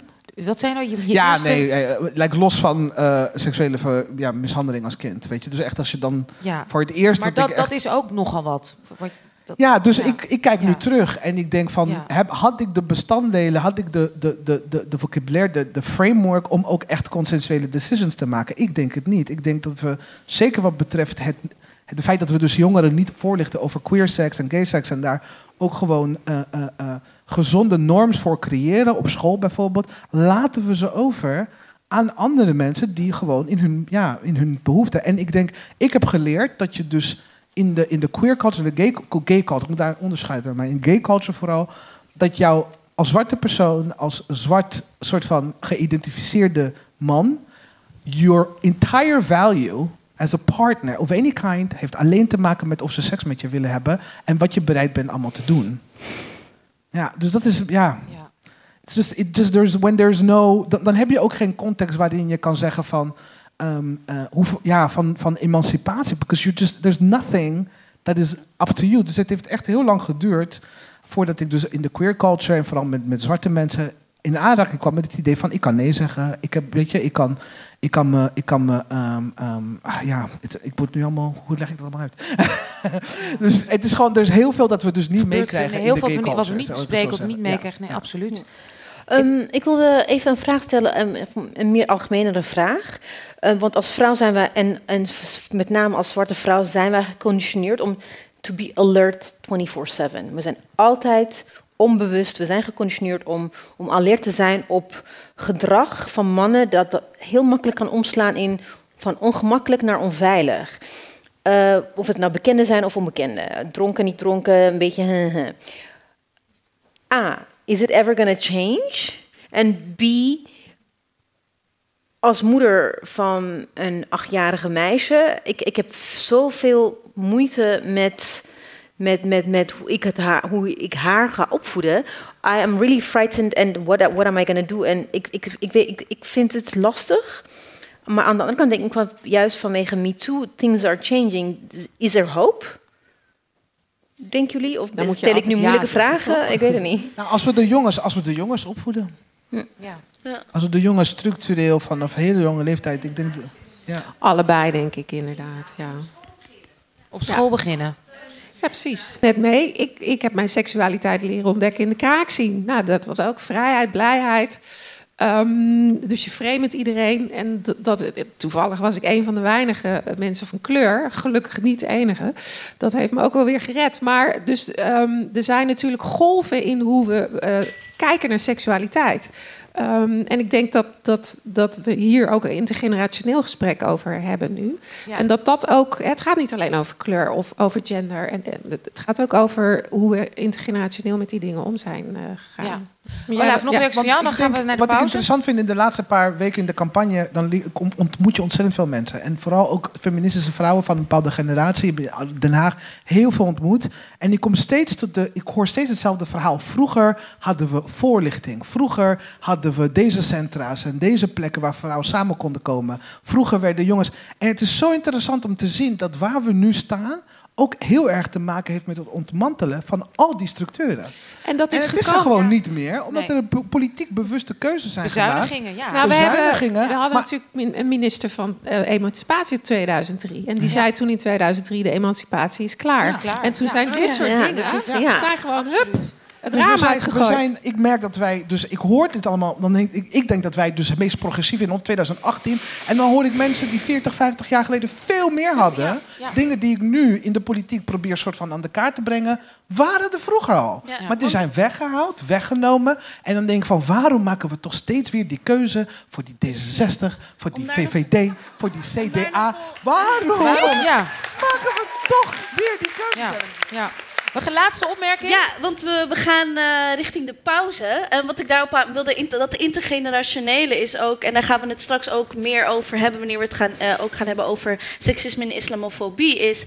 Ja, je, waar ik heel erg aan moet denken is, ik moest mijn vrouw zijn of mijn seksualiteit post 9-11 een beetje maar gaan eh, ontvogelen. En, en het is pas dat ik daar heel erg over nadenk in de afgelopen eh, twee jaar. Eigenlijk wel met veel pijn, weet je wel. Dat ik denk van shit, ik heb, eh, ik heb me ook in situaties begeven waarvan ik dacht dat had zo mis kunnen gaan. Maar ga ik dan bij mijn moeder aankloppen? Bij wie moest ik, eh, bij, wie- bij, Bij wie moet moest ik dat zijn? En je kan niet naar een centrum meer. Nee, dus ik ben nee. daarom zo blij met dit gesprek en Oh. met, onze, met onze gasten. Fijn. We zijn super blij. Jullie blijven met elkaar in gesprek gaan nu. We hebben een korte pauze naar weer prachtige muziek. We gaan verder dan met het derde deel. We praten dan ook hopelijk even kort met Khadija. Nou, er zijn boeken hier te koop. Het boek Zwart te koop. Kan gesigneerd worden door bijvoorbeeld door Olave. Ook door mij. Het boek van Chaos, hè, eh, Room of One's Own. Een van de eerste vertalingen sinds heel veel jaar. Weer van Virginia Woolf. Van uitgeverij Chaos is te koop. Eh, nou, Hallo Witte Mensen ook te koop. Maar vergeet niet een mooie foto. Heeft vier een vrouw vandaag met z'n allen. Maken een mooie gif. Nou, lekker naar de bar en praat met elkaar. En dan zien we jullie straks na een korte pauze. En DJ Emma, DJ Jasmin, take us to the break.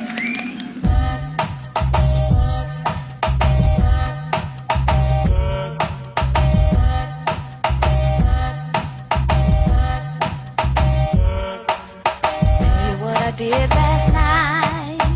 I came home mooie muziek. Eh Khadija gaat vertellen over het nummer. Mag ik een applaus voor Khadija Massaoudi? En ze wordt begeleid door Rijns van der Brink. Yes, eh, ik zei al eh, dat ik eh, de liefde bezing in verschillende talen. Eén van die talen die ik, ja, waar ik heel veel eh, in zing is Turks. Zijn er Turkse mensen in de zaal of mensen van Turkse origine? Oh, oké. Merhaba, hoş geldin. Hoş geldin. Oh, sorry. Nou ja, sorry. Ander verhaal, maar ik zing in het Turks en ik hou ervan. Ehm, ja, en het volgende nummer he- is, heet Unutalma Beni. En dat betekent Je zult mij niet vergeten.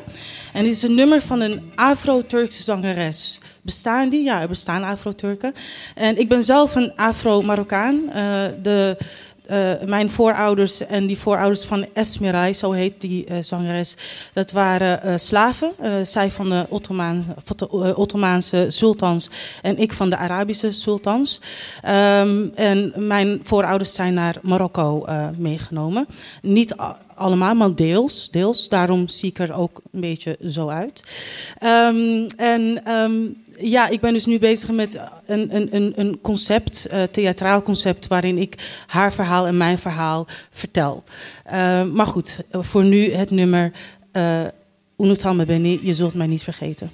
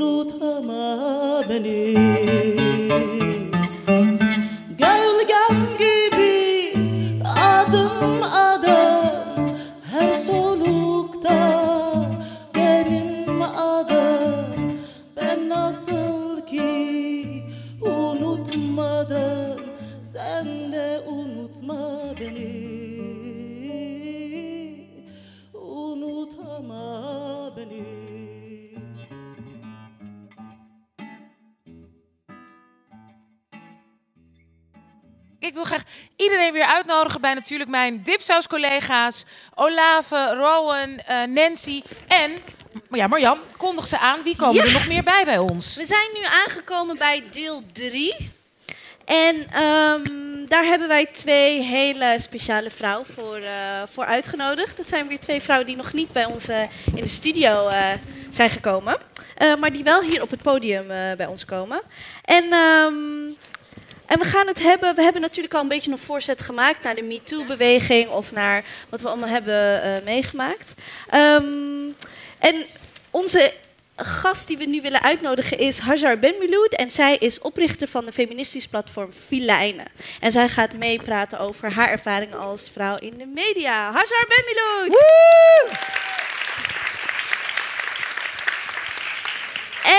Wie naast haar gaat zitten is mijn vriendin en eh, activist, sociologe Ibtisem Abaziz. En zij is samen met andere moslimvrouwen het meldpunt islamofobie gestart. Om eh, de, mel- de, de, de islamofobie eh, te monitoren en te documenteren in Nederland. Ibtisem Abaziz.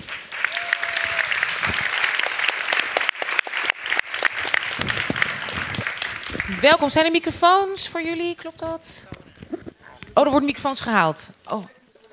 Ah, oké. oké. Want kun- Als jullie deze samen delen, is, is die aan?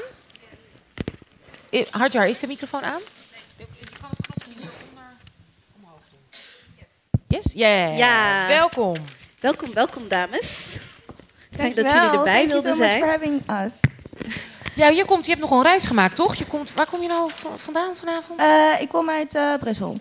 Uit Brussel. Maar, ik heb niet was echt geslapen vannacht. Nee. En ik ben net bijna door een glazen deur gelopen.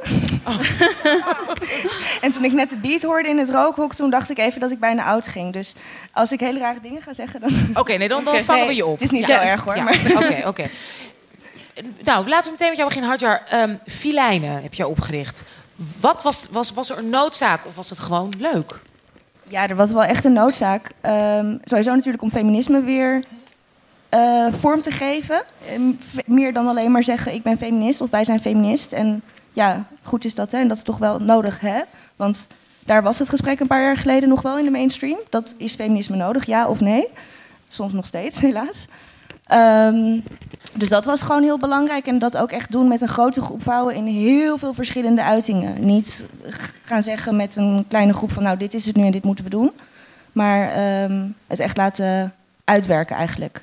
En Dat, hoe- dat vond ik heel En wat heeft, wat heeft het je tot nu toe zeg maar, allemaal opgeleverd? Maar wat heeft het je ook gekost? Want hè, dan, dan maak je nog een statement, dan begin je iets, iets Ja. eh, wat toch tegen de, hè, de gevestigde storm in, stroom ingaat. Je bent jong begonnen als columnist, jong bekend geworden voor, voor toch wel echt het witte, hè, witte medium, laten we zeggen, de metro. Metro, en, ja. en ook eh, Folia. Dus Ja. wat, wat, is, wat is, lukt het je inderdaad om je vrijheid jezelf te vinden? En wat kost het? Eh, nou ja, dat is inderdaad ook wel de andere noodzaak van Verlijn. Om daar nog even op terug te komen. Van mij en al die getalenteerde vrouwelijke journalisten die ik om me heen zag, die nergens echt op hun plek waren. Eh, we hadden altijd het gevoel dat als we moesten pitchen, daar kwamen we dan op een gegeven moment ook achter met elkaar. Dat je eh, gaat pitchen naar wat je baas wil en naar wat de doelgroep wil. Zelfs al is de doelgroep vrouwen van jouw leeftijd. En dat begon me op een gegeven moment echt op te vallen. Dat ik ook bij FIFA steeds te horen kreeg dat ik te feministisch was. En, ehm, ja. FIFA. Bij het blad FIFA Ja. was je te feministisch voor? Ja, en bij FHM waren ze er wel heel blij mee. Daar kreeg ik vier pagina's om helemaal los te gaan. Dus het, het werd zo schizofreen allemaal. Ehm, wat was je vraag ook weer? Daar gaan we al. Dus wat heeft het je opgeleverd? Maar wat ja, oh ja, zo. Ja, ehm, nou wat het heeft opgeleverd is, ik heb zo ongelooflijk veel geleerd en gezien en ervaringen en ook emotionele ervaringen. Dingen kunnen ehm, meebeleven met mensen, met zoveel verschillende getalenteerde vrouwen. En ehm, ook het proces van erachter komen dat wij het met elkaar veel beter konden dan in de machtsstructuren waarvan ik dacht, ook na twaalf jaar in de media te hebben gewerkt, waar ik dacht dat we het moesten ehm, doen. Dus ik heb heel lang met aandeelhouders gepraat en uitgeverijen en op allerlei manieren geprobeerd een professioneel medium neer te zetten. En op een gegeven moment kwam ik erachter dat, dat die professionaliteit alleen maar eh, weg zou gaan. En de kwaliteit alleen maar weg zou gaan op het moment dat ik moest beantwoorden aan wat die witte mannen in boardrooms aan mij gingen uitleggen dat jonge vrouwen wilden lezen. Waar zij eventueel wel in zouden willen investeren. Eh, dus toen we het op een gegeven moment... Ik vond het een heel moeilijke stap om te nemen om te zeggen we doen het gratis. Niet eens voor mezelf, want ik was er zelf al heel lang gratis mee bezig. Maar voor anderen, dat vond ik respectloos. Maar toen bleek dat zoveel vrouwen dat toch wilden. Toen ik dat vo- voorzichtig Ja, dus de schrijvers. Dus de, de, De schrijvers. de schrijvers, journalisten, Ja. die kon je... Ja, Eh, maar niet alleen eh, schrijvers, maar ook eh, ehm, mensen die de website bouwden. vormgevers. pro- produceren voor evenementen, vormgevers, precies. maar is dat vol te houden? Hoe, hoe, hoe, hoe hou je dat vol? Gewoon qua energie en ook financieel. Dat, dat kost nogal wat Ja, natuurlijk. Eh, nou, het was echt een onmogelijke opgave. Ehm, dus dat is leuk om er dan achter te komen dat dingen eh, toch lukken. Maar twee jaar was wel echt de max. Dat heb ik ook tegen mezelf gezegd. Van ik, ga- ik heb het eerste jaar echt letterlijk niet één nacht langer dan zes uur geslapen en dat soort dingen. Dus ik denk dat iedereen die iets, zeker als je zoiets bombastisch en groots, zeven dagen per week wil oprichten, dan moet je gewoon als ondernemer ook. Want daar hoeveel doorheen had je dan niet per dag? Eh, in het begin eh, twee tot drie. uiteindelijk anderhalf. Ja. we zijn net voor de duizend gestopt. Wauw. En dan ook Hey, elk even, mag er even een applaus Ja. voor? Ja. Het is wel echt fantastisch hoor, wat je hebt neergezet. Wat dus het, ik denk voor mij het meest waardevolle was om mee te maken, was te zien dat die kwaliteit die ik om me heen zag, die vrouwen onderling met elkaar fixen, wat zij echt belangrijk vonden om te lezen en hoe goed een artikel moet zijn en toegankelijk en al die dingen, eh, dat er zoveel hogere eisen werden gesteld dan op elke andere plek waar ik ooit heb gewerkt. Hm. Ja, en dat is wel een, een, para, ja, een- een perspectiefshift die nooit meer overgaat. Nu kijk ik niet meer naar de bazen van vroeger om te kijken wat goed is. Ja. Wauw. Heel mooi. Heel mooi. En ehm Ibtisem, ik was net eventjes naar je toe gelopen, want het onderwerp ehm, eh, ja, moslimvrouwen is wel eventjes naar voren gekomen. Want we hebben het, ehm, we hebben het net gehad over die intersectionaliteit tussen zeg maar seksisme, rasmis- racisme.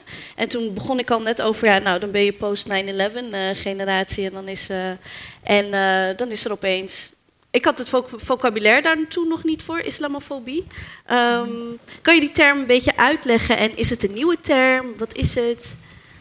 Eh, ja, wat is islamofobie? Het is eh, ja, best wel een, eh, ja, een simpele vraag lijkt het, maar het is eh, inderdaad wel ingewikkeld om die vraag te beantwoorden. Eh, maar ik zal vooral vertellen van hoe wij daarnaar kijken. Dus als mensen de term islamofobie horen, dan denken ze aan een fobie, dus een angst. Maar islamofobie is niet een angst. Het, gaat, het is veel meer dan dat. En wij gebruiken de term islamofobie wel, omdat het een term is eh, die ook in academische kringen wordt gehanteerd eh, en dergelijke. En eh, dat, maar islamofobie betekent dus eigenlijk dat, dat, dat mensen vanwege hun moslim zijn benadeeld worden, uitgesloten worden op diverse vlakken. En met diverse vlakken bedoelen wij de arbeidsmarkt, het onderwijssysteem, eh, maar ook op straat, het dagelijks leven en dergelijke, dus gewoon vanwege hun moslim zijn. Nou, en, en, eh, maar wat is er aan de hand? Het feit dat die uitsluiting plaatsvindt, dus die uitsluiting vindt niet plaats zo uit het niets.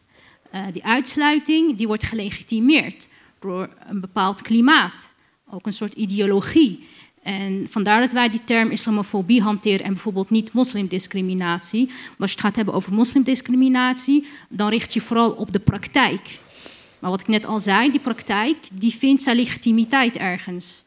En dat is dus in de ideologie, waarin het idee, dat, dat, dat, eh, de ideologie dat is, eh, ja, dat is best wel diep geworteld. Dus het is niet zo aanwezig, maar dat, als je goed gaat analyseren, dan, dan kan je dat wel naar voren halen.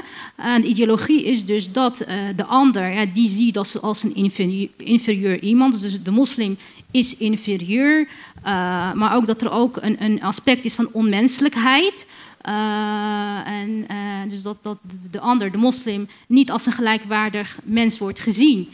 En waardoor het ook makkelijker is om bijvoorbeeld een vrouw met een hoofddoek op straat in elkaar te slaan.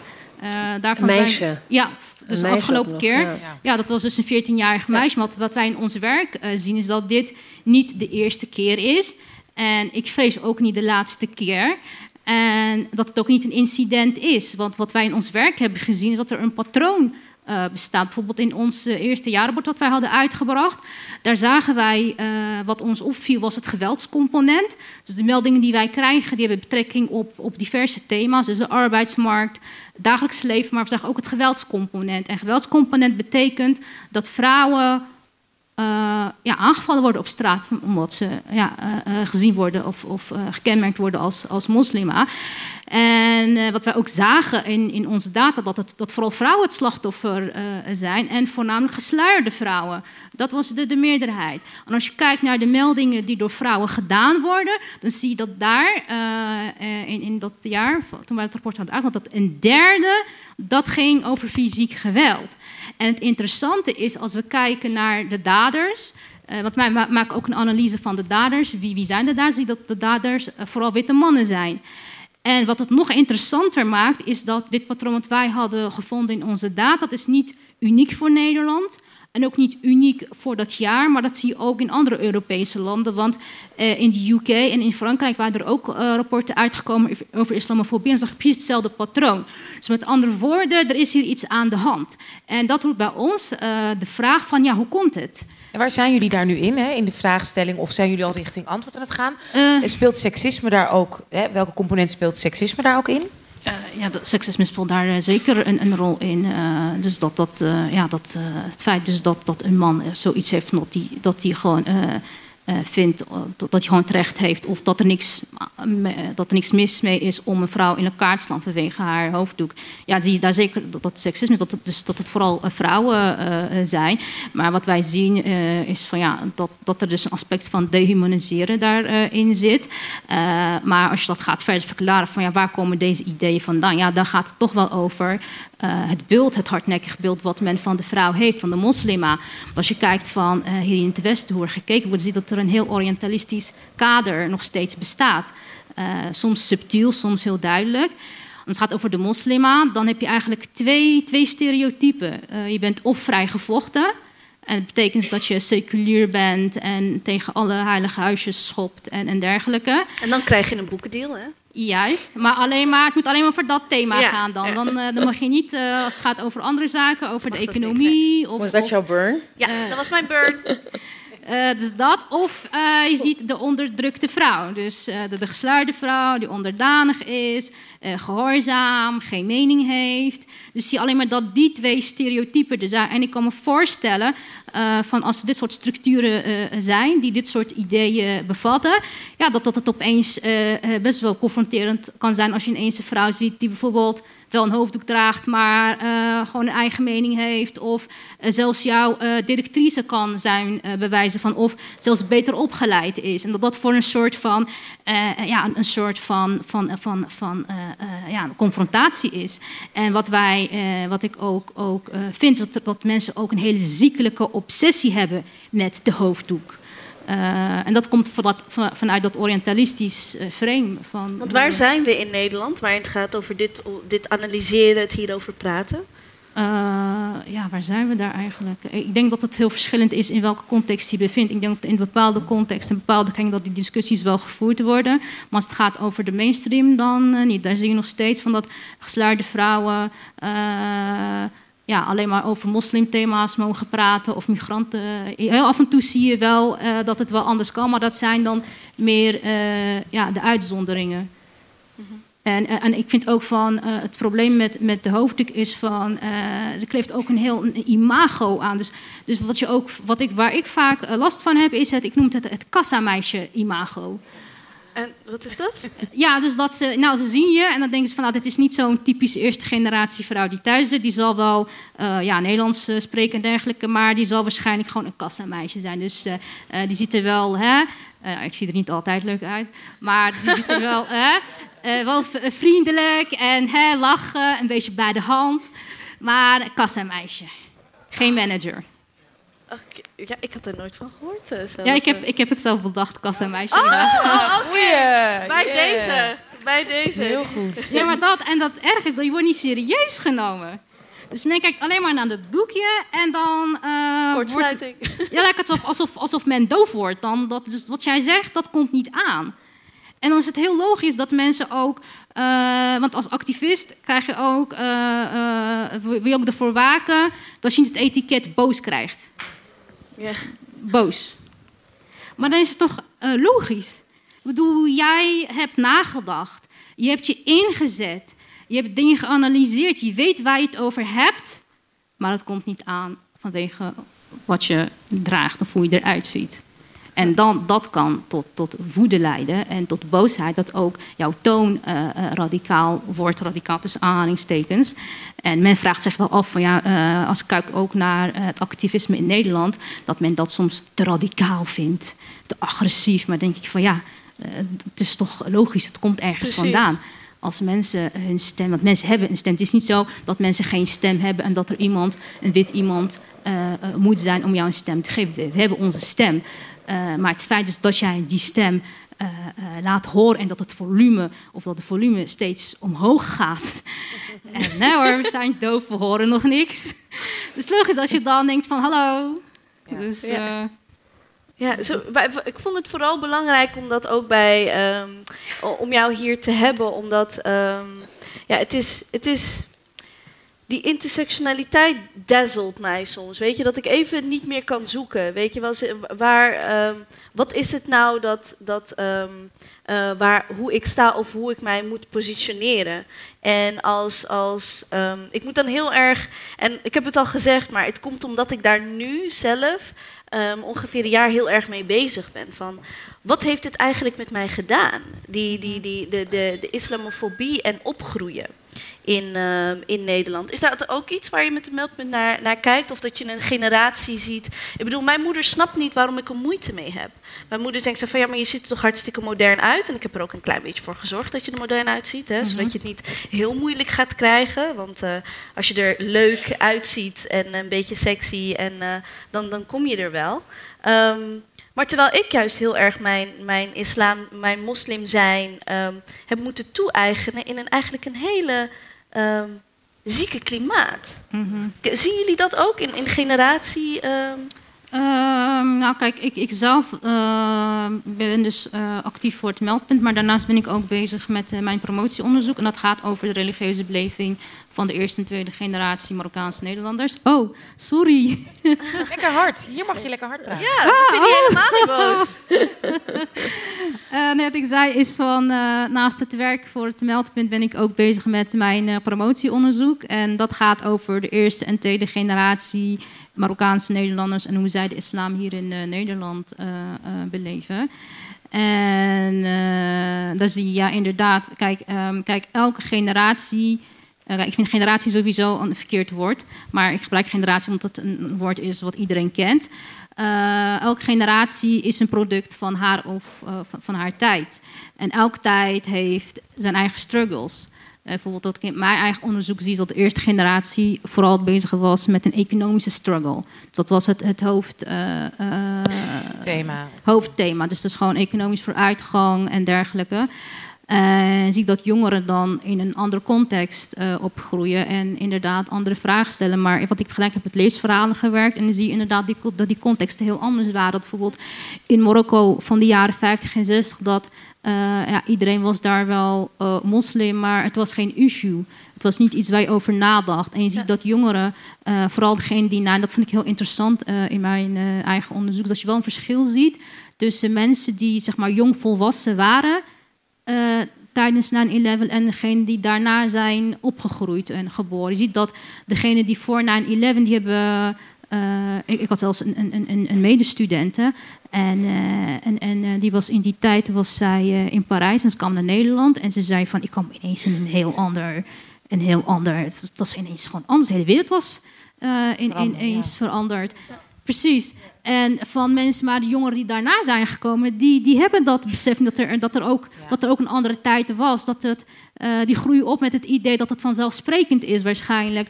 Dat je op jonge leeftijd al gecon- geconfronteerd wordt met het anders zijn.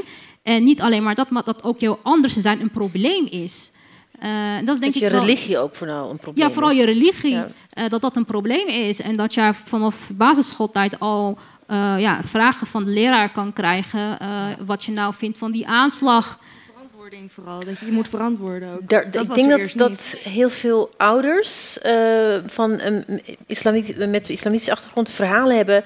En ter- dat is ook iets wat ik zelf mee heb gemaakt met een, een klasgenoot van mijn zoon. Het was in groep 4, die dan van de juf te horen krijgt. Dus wat, wat krijg je allemaal te horen als je naar, naar de moskee gaat? Dat was een vraag die aan een eh, zesjarig jongen wordt gesteld. Maar ook als Dat vrouw. ik echt hè, als- dacht van, we moeten nu brieven schrijven en klagen. Om te zeggen van, ja, maar dit is normaal, zei ze tegen mij. Maar ook als je het component seksisme, want dat is denk ik, ja, dat, dat je dan ook, je probeert het ook voor jezelf te ontvogelen. Hè? Want elk, ik, ben- ik ben wel van overtuigd dat elke religie natuurlijk, ehm, als het geïnterpreteerd wordt door alleen mannen, ehm, hoe eigen ik mij dat toe? Maar tegelijkertijd, ah, Weet je, dan is er eh, seksisme vanuit uh, wit suprematie, dan is er seksisme vanuit ehm, ehm, de groep eh, mannen van kleur. En daar moet je maar een klein beetje je weg zien te vinden. Ik bedoel, als je kijkt naar, ehm, weet je, Boef die dan wat zegt. Ehm, dan is het opeens is iedereen feminist. Dan zijn dezelfde 3FM-DJ's die heel seksistisch... Blijf van onze vrouwen af. Ja. Ja, en dan zijn dezelfde 3FM-DJ's die een probleem hadden met ons... die een podcast zouden maken als vrouwen van kleur... die gingen opeens vrouwen beschermen. Dat was echt hilarisch. Dus het was echt hetzelfde groepje mannen die, want wij hebben, maken deze podcast en hebben bij eh speciale de Stichting voor Journalistiek hebben wij een subsidie aangevraagd, hebben we gekregen. Toen zijn we mega afgekraakt in social media door journalisten van 3FM, allemaal gesubsidieerd overigens. Ja. Eh, Die Miljoenen. het belachelijk vonden dat wij geld hiervoor kregen.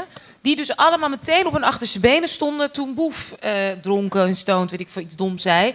En dat dus zagen als dat ze opkwamen voor, voor, voor de vrouw. En je weet dat radio-dj's bij de publieke omroep het meest verdienen, wilde ik even zeggen. En ook dat, ja. Ja.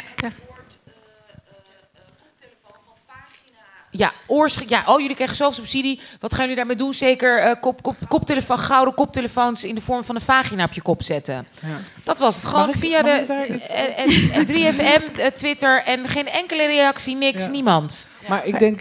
ehm, Belachelijk dat wij subsidie kregen voor deze podcast. Vrouwen Ja, zijn. ja. Ja. Vrouwen van kleur. van kleur.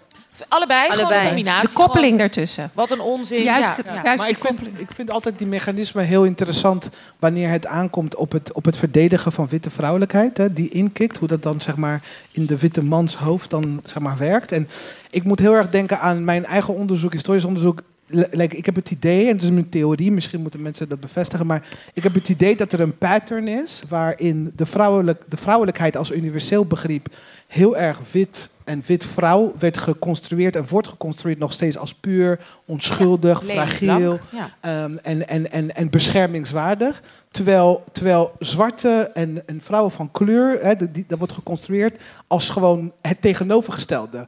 Wat het ene, wat dus, dus het tegenhangen daarvan, wat niet bescherming nodig heeft. Hè.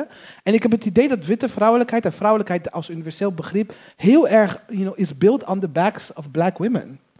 En, en het is interessant hoe de, diezelfde mechanisme ertoe leidt dat als het tijd is om een witte vrouw te verdedigen, dan rent iedereen richting het verdedigen van de witte vrouw. Maar de zwarte vrouw en de vrouw van kleur wordt altijd een soort van ja, vergeten. Collateral damage. verdedigd, Ja. nee. Ja. Ik wil ook even de koppeling maken met ehm, eh, eh, zeg maar het feminisme in Nederland. Want eh, wat jullie allebei vertelden is heel belangrijk. En ik denk dat ehm, eh, witte feministen heel lang ook geen vriendinnen of, en niet solidair zijn geweest. Hè? Ik bedoel, nou ja, voor vrouwen van zekere... duidelijk wel. Precies, en dat is belangrijk. Maar ehm, voor vrouwen van zekere leeftijd kunnen we ons Siska Dresselhuis nog wel herinneren. Heel lang de hoofdredacteur geweest van Opzij. Ooit het belangrijkste feministische blad. eh, een printblad. En het bestaat natuurlijk nog steeds. Ehm, en die riep ook nog, ehm, nou, nog niet zo heel lang geleden, toen ze hè, van ja, vrouwen met hoofddoeken komen bij mij gewoon niet, de redactie in. En het is niet mijn strijd. Ehm, dus, dus er zijn ze binnen het. antifeministisch ook, Precies. letterlijk. En daarnaast, dat- ja. we, we verwijzen natuurlijk naar 9-11 en dat is een, een, een mondiaal aspect. Maar die islamofobie heeft ook hele duidelijke Nederlandse roots. Iemand als Bolkestein en later ehm, eh, andere politici hebben dat natuurlijk enorm ontwikkeld. Dat idee dat eh, de, op een gegeven moment. ehm, ehm, werd dat de nieuwe vijand, de nieuwe ander. En ook dat heeft weer koloniale roots. Ehm, we hebben in, in Nederlands-Indië, ehm, ik zeg altijd, we waren ooit de grootste moslimnatie van de wereld. Omdat we 350 jaar in Indië hebben gezeten, waar de meerderheid moslim was. Eh, gewoon om even je denken op, eh, om, eh, om te draaien. Hè. En je ziet ook in het beleid wat Nederland voerde, bijvoorbeeld Molukker, eh, Molukse gemeenschap is natuurlijk eh, deels ook moslim. Eh, en je zag dus ook een ver, ehm, verdeel- en heerspolitiek die Nederland voerde met Tussen christelijke eh, tussen christelijke Molukkers. mos- en, en, en moslim eh, Molukkers, zullen we maar zeggen. Ehm, dus dat maakt ook dat we. ehm, en vervolgens, als je nu kijkt naar wat er nu gebeurt, het is ook een raci- raciale po- positie geworden? Ehm, een moslim. Ehm, en die dus ja, op, op, eh, op het gebied van gender verschillende uitwerkingen heeft. Want ja, de vrouw, de moslimvrouw, is eigenlijk ook heel erg overgeseksualiseerd. In, in, in, in een in orientalisme, inderdaad. Ehm, en in The Field Woman, zeg maar, is het meest asexuele persoon eh, wat men zich kan voorstellen hè, in de mainstream. Dus, ehm, De welke woman? De? Nee, sorry, de vrouw met de hoofddoek is, is, is het meest asexuele persoon die je kan voorstellen. Hè, om het ook weer even naar het thema terug te brengen. Ehm, dat ehm, en, en hoe ja, witte, vooral mannen die een, een soort, eh, ja, een soort rechtspolitiek hebben gevoerd, ehm, hun strijd ook heeft eh, toegeëigend zonder ooit met ehm islamitische vrouw te praten. Het gaat ook helemaal niet over islamitische vrouwen. Het gaat om een punt te maken en dat is gewoon gehijacked. Dus ik denk die Nederlandse roots zijn ook heel belangrijk. Dus het, het, Maar dat is echt ja. om de machtspositie, om de status quo te behouden. Dus zo'n Bolkestein die volgens mij begin jaren negentig al met dat soort speeches reden, en ja, begin jaren negentig. teksten kwam, dat was gewoon behoud van machtspositie.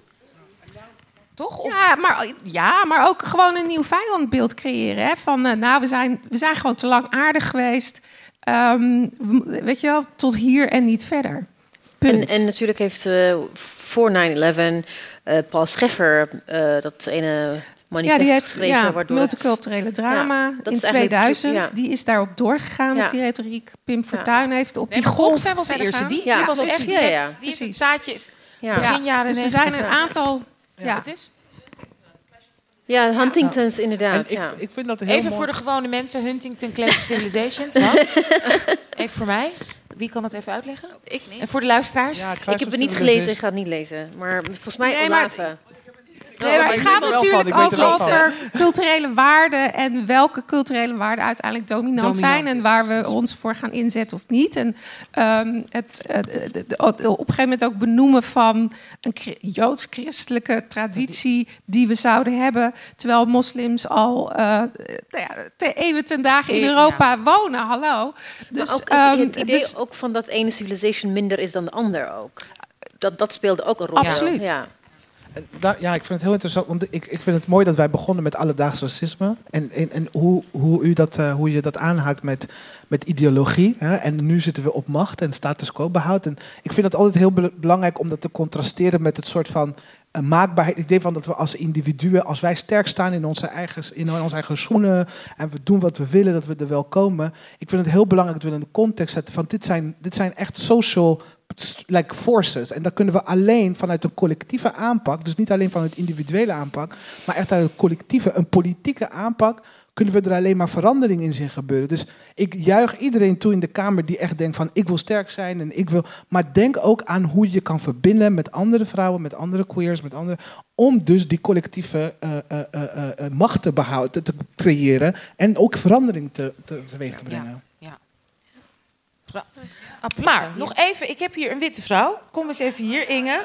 Want jij hebt wel nog even, gaan we iedereen toch nog even blij maken met een geweldige sekstip. Oké, het is best wel lastig om na zoveel sterks inhoudelijk, shout-out to all, dit punt te maken. Heel belangrijk dat jij het doet. Dus ik ben heel blij met je. Oké, het gaat over seks, dus daar word jij misschien wel heel blij van. We gaan het straks even over hebben. Even niet nu live. Eh, Even, Oké, nou naar jouw idee, prima. Maar ik probeer je nu dus nog iets te geven. Nee, het is niet een sekstip, dat was een beetje een grapje. Maar goed, wil je nog heel even luisteren of, of niet? Of, of... Nee, nee, hoeft niet. Voor andere vrouwen dan die het wel willen horen, Inge. Oké, eh, dit is iets wat ik vind dat elke vrouw zichzelf cadeau moet geven. En het is een lidmaatschap op de website OMG Yes. Kent iemand het al? Ja. Seksuologen kent het. Eh, OMG Yes, ik heb hem er even bij. Eh, wat de wetenschap te zeggen heeft over vrouwelijk genot. Nou, er zijn dus... eh, on- oh, ik pak hem even erbij. Aan jou geef ik. Ik pak even een moment. Eh, er zijn dus onderzoeken geweest over het vrouwelijk lichaam en wat vrouwen prettig vinden. En vooral om daar een naam op aan te geven. Want ja, je weet het misschien wel van jezelf, maar nou ja, hè, hoe noem je zoiets? En er is vervolgens. Ja, ja, ja, ja, precies. Ja. Je, je doet maar wat. En, ehm, en zij hebben dat vervolgens gecategoriseerd en een naam gegeven. En op deze website is dat allemaal uitgelegd. En je kan dus, ehm, nou ja, als je lid wordt, is 30 dollar, maar je hebt dan voor eeuwig plezier. Dus het is, eh, het is de moeite waard. Het is, het is de moeite waard. Ja, precies. En er wordt dus eh, stap voor stap uitgelegd hoe die techniek werkt, hoe, bij hoeveel vrouwen dat succes heeft. En er wordt ook met een filmpje, het is best wel, best wel nou ja, goed, intens, uitgelegd hoe dat werkt. En je kan het ook oefenen op een interactief soort van, ja, op je telefoon. Ehm, maar goed, ja, dat is echt zo. Het is echt, ja. OMG yes. OMG yes. Please girls, go for it. Dankjewel. Nou, dus ook nog geweldig seks. Ja, we gaan. We willen heel graag dat jullie allemaal met elkaar in gesprek gaan. Dat willen we heel graag. Dat kan met elkaar aan de bar. Dat kan lekker bij inderdaad Savannah B. die er nog zijn met alle boeken. Dat kan op de dansvloer. Kan ook met ons, want wij zijn nog even. Maar ik wil nu toch eerst even echt Mama Cash ontzettend bedanken. Ik wil Tivoli Vredeburg ontzettend bedanken. Ik wil onze techniek, Luc, Martin Jan, onze geweldige stage managers. Dat waren Ilja en Gabriel. En ik wil natuurlijk onze geweldige gast bedanken. Rowan, Olave, Nancy, Hartjar, Ibtisim. En mijn lieve collega's, ik hou zoveel van jullie. Evise en Marjan. En ik zeg, take it away, DJ this. Shake your body, don't stop, don't miss. All you ladies pop your pussy like this. Shake your body, don't stop, don't miss. All you ladies pop your pussy like this. Shake your body, don't stop, don't miss. Just do it, do it, Do it, do it, do it, do it, do it now. Lick it good. Suck this pussy just like you should. Right now, lick it good. Suck this pussy just like you should. My neck, my back, lick my pussy and my crack. My neck, my back, lick my pussy and my crack. My neck, my back, lick my pussy and my crack. My neck, my back, lick my my neck, my back, lick my pussy and my